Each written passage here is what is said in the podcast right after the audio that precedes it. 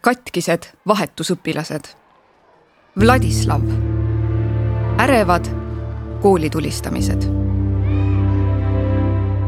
Vladislav on kahel korral Ameerika Ühendriikides elanud ja õppinud. mõlemal korral tuli tal kokku puutuda koolitulistamisega. enam ta Ameerikasse minna ei taha. Sillamäelt pärit Vladislav õppis gümnaasiumis eesti keele selgeks ja avastas endas aktivismipisiku näiteks õpetab ta Ida-Virumaa noortele programmeerimist, on töötanud abipolitseinikuna ja kandideeris möödunud sügisel kohalikel valimistel. sel kevadel õpib Vladislav Lõuna-Korea pealinnas Soulis. tema alma mater asub tegelikult USA-s, California osariigis. kuid selle ülikooli tudengitel on võimalik igal semestril õppida eri riigis. ja Ameerikasse tagasi minna ta ei taha esimest korda elas ta seal neli aastat tagasi vahetusõpilasena ja teist korda möödunud sügisel, kui ülikooli astus. mõlemal korral nägi ta pealt kooli tulistamist. ning see on tekitanud temas ärevust. vahetusõpilasena elas ta Kesk-Läänes Missouri osariigis Kansas City's. linn asub Missouri jõe kaldal ning on tuntud rohkete purskkaevude ja grillimise poolest sarnaselt paljude teiste vahetusõpilastega lootis temagi elada koos inimestega, kellega aasta jooksul nii lähedaseks saada, et neid teiseks pereks pidada. Vladislavil vedas. ta saigi oma sealsete vanematega väga hästi läbi ning suhtleb nendega siiani. kui Eestis elas ta ainult vanaemaga, siis Ameerikas jagas ta kodu vahetusema ja isa, kolme koera ja kahe kassiga ning lisaks käidi tihedalt läbi sugulastega kohe esimene päev uues riigis oli meeleolukas. toimusid kohalikud valimised ja vahetuspere võttis ta endaga kirikusse kaasa, hääletuskasti juurde. ta oli üllatunud, et valimine toimub kirikus, mitte näiteks koolis, nagu meil kombeks. eredalt meenub ka esimene negatiivne kogemus võõras riigis. nimelt on tema Eesti pere vaktsiinivastane, nii et ta oli elu jooksul saanud vaid kaks vaktsiini enne kodumaalt lahkumist proovis ta küll võimalikult palju vajalikke vaktsiine ära teha, ent siiski pidi ta USA-s end veel kaitsepookida laskma. juhtus aga nii, et Vladislav sai viis süsti korraga. mäletan, et kaotasin teadvuse umbes paariks minutiks, lausub ta. tavapärane koolitulistamine. Vladislav nautis elu USA-s ja osales aktiivselt koolielus kõik sujus kuni detsembri keskpaigani, mil koolis oli tulistamine. õhtul pidi toimuma jõulupall. seda korraldas õpilasesindus, kuhu kuulus ka Vladislav. kell kaks lõppesid tunnid ja õpilased suundusid koju pidulikuks õhtuks valmistuma. kohe, kui esimese bussiga lahkusin, nägin telefonist umbes kahtekümmet erinevat sõnumit. kõik kirjutasid koolist, et ärge tulge tagasi siis tuli veel mingi teade koolilt, et kool on blokeeritud, keegi ei saa välja, keegi ei saa sisse. parklas oli tulistamine. räägib Vladislav päevast, mis kummitab teda siiani. teadmatus tekitas hirmu. kui ainukese asjana tead, et oli mingi tulistamine, siis kõiksugused mõtted käivad peast läbi.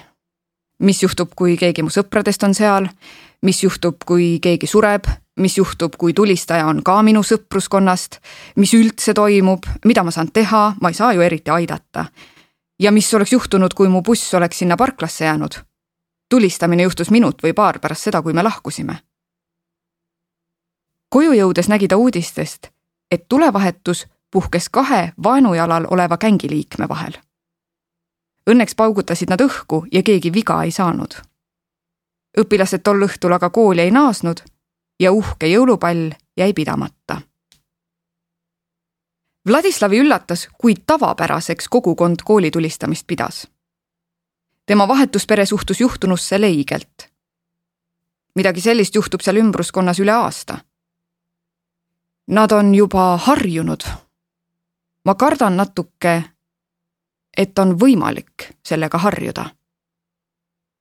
sellest kõneleb ka tõik et pärast tulistamist ütles koolikaaslane talle naljaviluks. tere tulemast USA-sse. pärast traagilist sündmust toimus koolis üks suur kogunemine, kus direktori asetäitja mainis põgusalt ka paari aasta eest toimunud tulistamist lähedal asuvas koolis. Vladislav ei mõistnud, millest jutt käib ja palus selgitust. direktori asetäitja polnud aga nõus varasemast tulistamisest lähemalt rääkima. Kool ei pakkunud ka kriisinõustamist, toimusid vaid regulaarsed õppused, kuidas käituda tulistamise, tornaado või tulekahju ajal. soovi korral võis pöörduda koolipsühholoogi poole. Vladislavi arvates polnud inimesed emotsionaalselt piisavalt valmis, et läbielatut jagada siiski usub ta, et õige viis taolistest rasketest sündmustest taastumiseks on just võimalikult avatult emotsioonide väljendamine. Nii saaks ennetada teisi vaimse tervise muresid. seda nad koolikaaslastega aga ei teinud, kuigi mõistagi räägiti tulistamisest veel pikalt.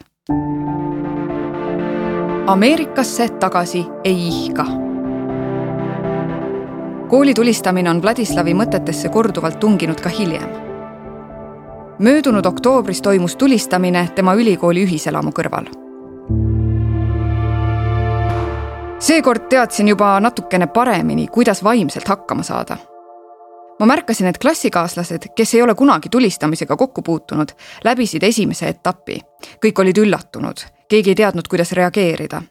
nagu mina esimesel korral püüdsin pakkuda neile võimalikult palju vaimset tuge ja rääkida asjast avatult sest sellest tundsin ma ise ju tol ajal Kansases puudust. Need kaks juhtumit on teda niivõrd palju mõjutanud, et ta ei taha enam USA-sse tagasi minna. me peame nelja-aastase programmi lõpus, viimasel semestril, minema tagasi San Franciscosse. aga ma teen kõik võimalikku, et jääda kuskile mujale, tõdeb ta. Vladislav on tulistamiste tõttu muutunud palju ettevaatlikumaks näiteks vaatab ta õues liikudes tihti selja taha. tavaliselt kannab ta prille, kuid vahel välja minnes neid ette ei pane. Siis ei näe ta inimeste nägusid ega väikeseid objekte, eriti pimedas. see teadmatus tekitab temas ebamugavust ja pisut ärevustki. ka teiste turvalisuse peale on ta hakanud palju rohkem mõtlema. pärast vahetusaastat hakkas Vladislav USA-s juhtunust ajendatult Eestis abipolitseinikuks